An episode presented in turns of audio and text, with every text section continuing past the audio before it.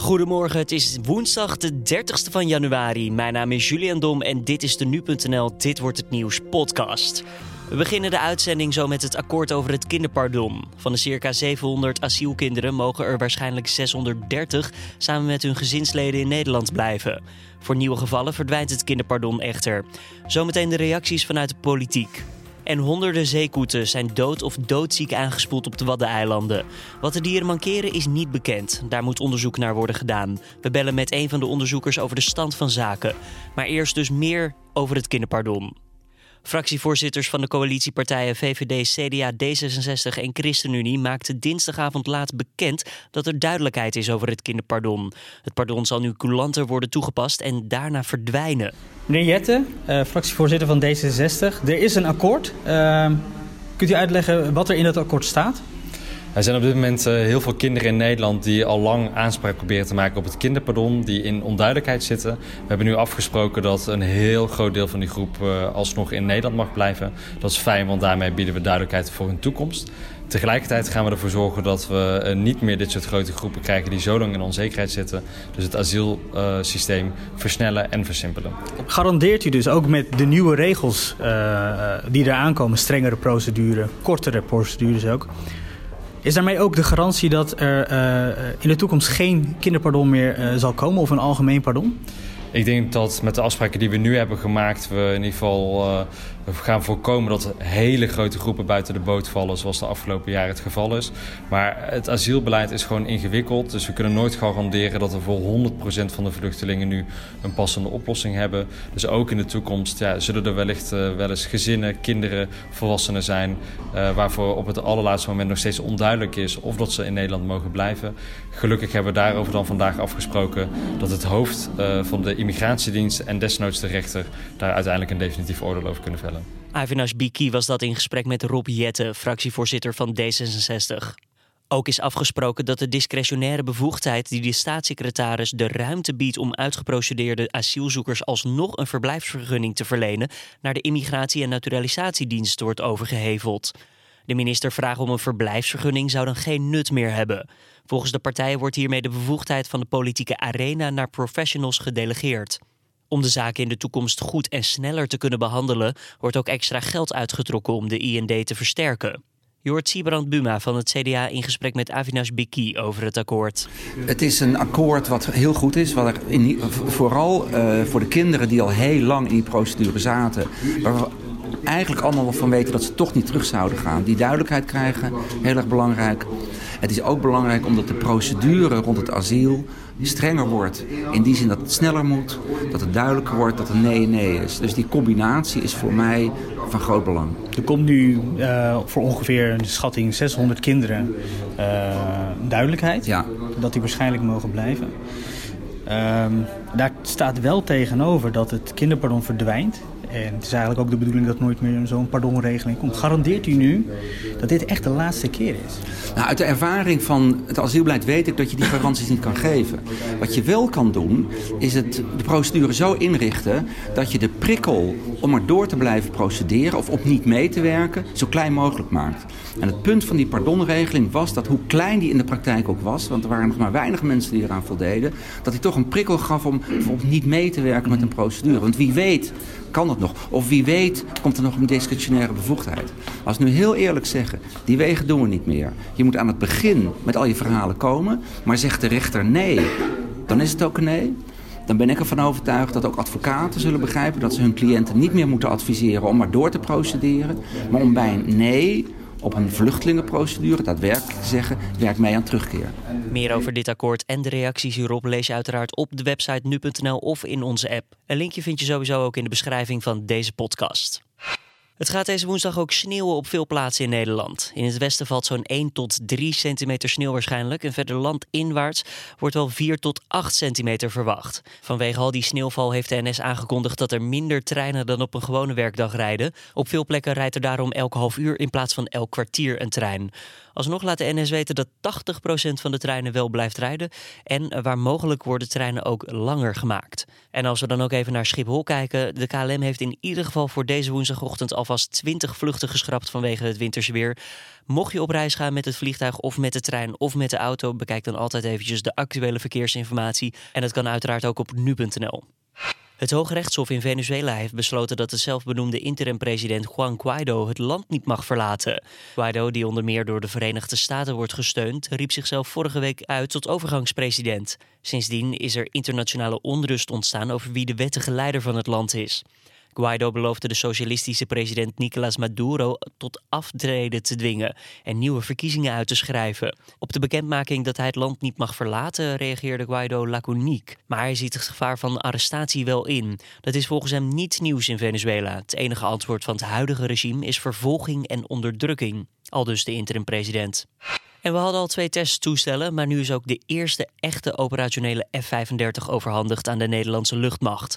Dat gebeurde tijdens een speciale ceremonie in Fort Worth in Texas.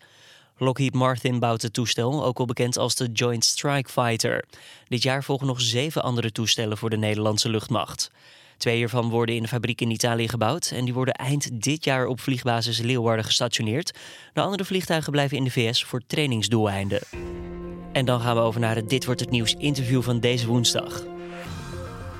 De afgelopen weken zijn honderden dode en doodzieke zeekoeten aangespoeld op de Waddeneilanden. Je hebt het vast wel gehoord of gelezen. De oorzaak is niet duidelijk en daarom moet er onderzoek uitgevoerd worden door Wageningen Marine Research en de Universiteit Utrecht.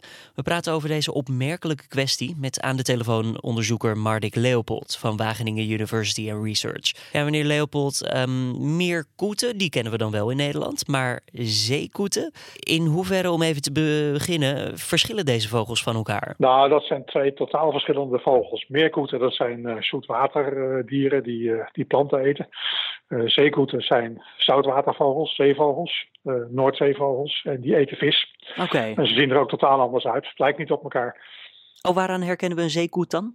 Nou, een zeekoet is, uh, dat, ja, als je, als je er helemaal niks van weet, dan lijkt hij nog het meest op een kleine pinguïn. Dus een, uh, een vogel van ongeveer een kilo met een scherpe spitse snavel en een zwart-wit verenkleed. Witte buik, zwarte rug.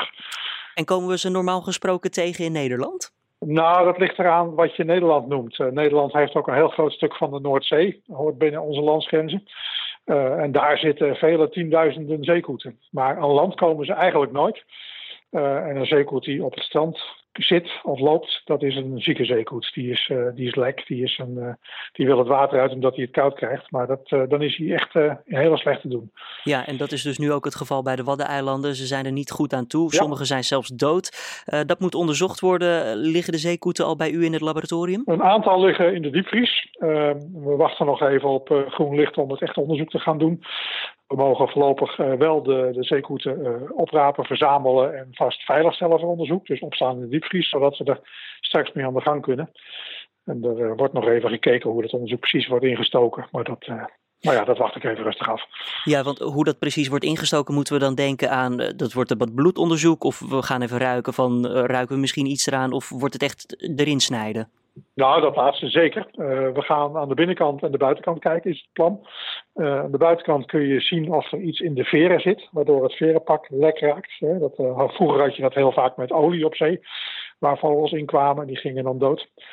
Niet zozeer aan het gif van die olie, maar aan het feit dat de veren aan elkaar plakten, waardoor de isolatie wegging. denk aan een slaapzak die je nat maakt, dat slaapt niet lekker. Dan word je koud. Ja. Uh, en dan krijgen vogels longontsteking. Nou, er zijn meer stoffen dan alleen olie die, die hetzelfde effect hebben. Ook hele dunne, vluchtige stoffen die je heel moeilijk ziet, maar die je chemisch wel kan aantonen. Dus we gaan in het veerkleed kijken, denk ik. Um, en we gaan ook van binnen kijken naar de conditie van de vogel. Uh, zijn ze allemaal erg mager? Uh, hebben ze nog voedsel in de maag? Uh, of hebben ze misschien plastic in de maag? Of zit er in de, nou ja, in, het, in de lever of in het bloed zitten daar gifstoffen die de kwalijke de kwalijke oorzaak zouden kunnen zijn. Ja, want één vraag die een beetje heerst is: heeft het natuurlijk iets te maken met die containerramp van januari dit jaar? Maar het zou bijvoorbeeld ook iets ja. anders kunnen zijn.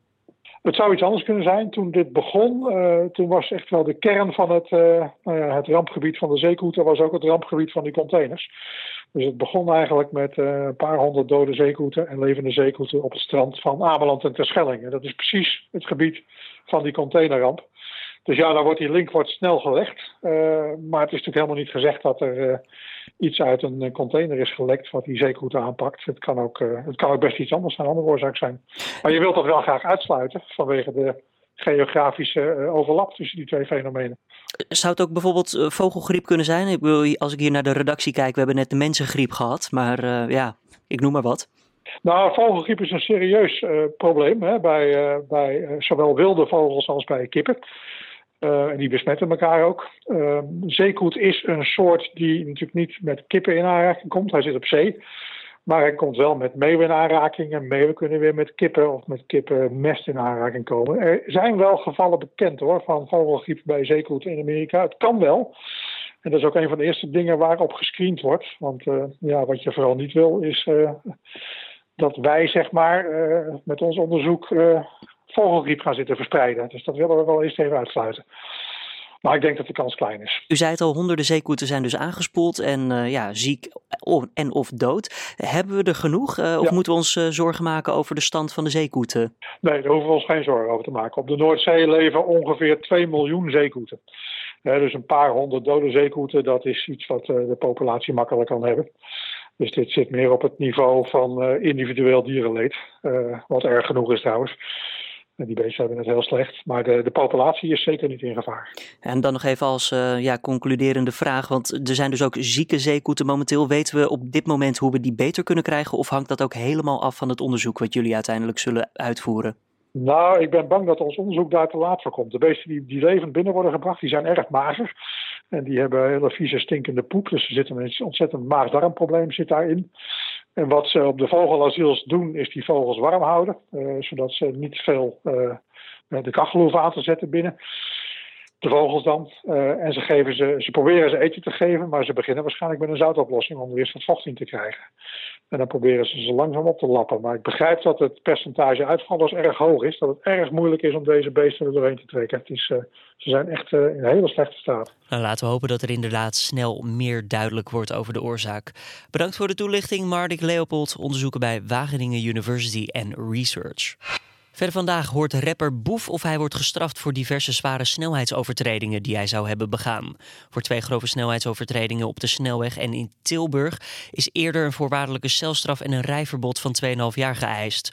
Bovendien wil de officier van justitie Boef in totaal 7000 euro laten storten in een fonds voor verkeersslachtoffers. En de Omgevingsraad Schiphol komt deze dag met een advies over de toekomst van de luchthaven.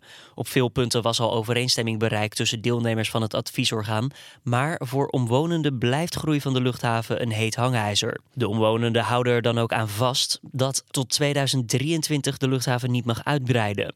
Tijdens de laatste vergadering, voordat het advies verschijnt, moet duidelijk worden hoe andere partijen binnen de Omgevingsraad hierop reageren. We hebben het al even genoemd, maar nog even snel het weer.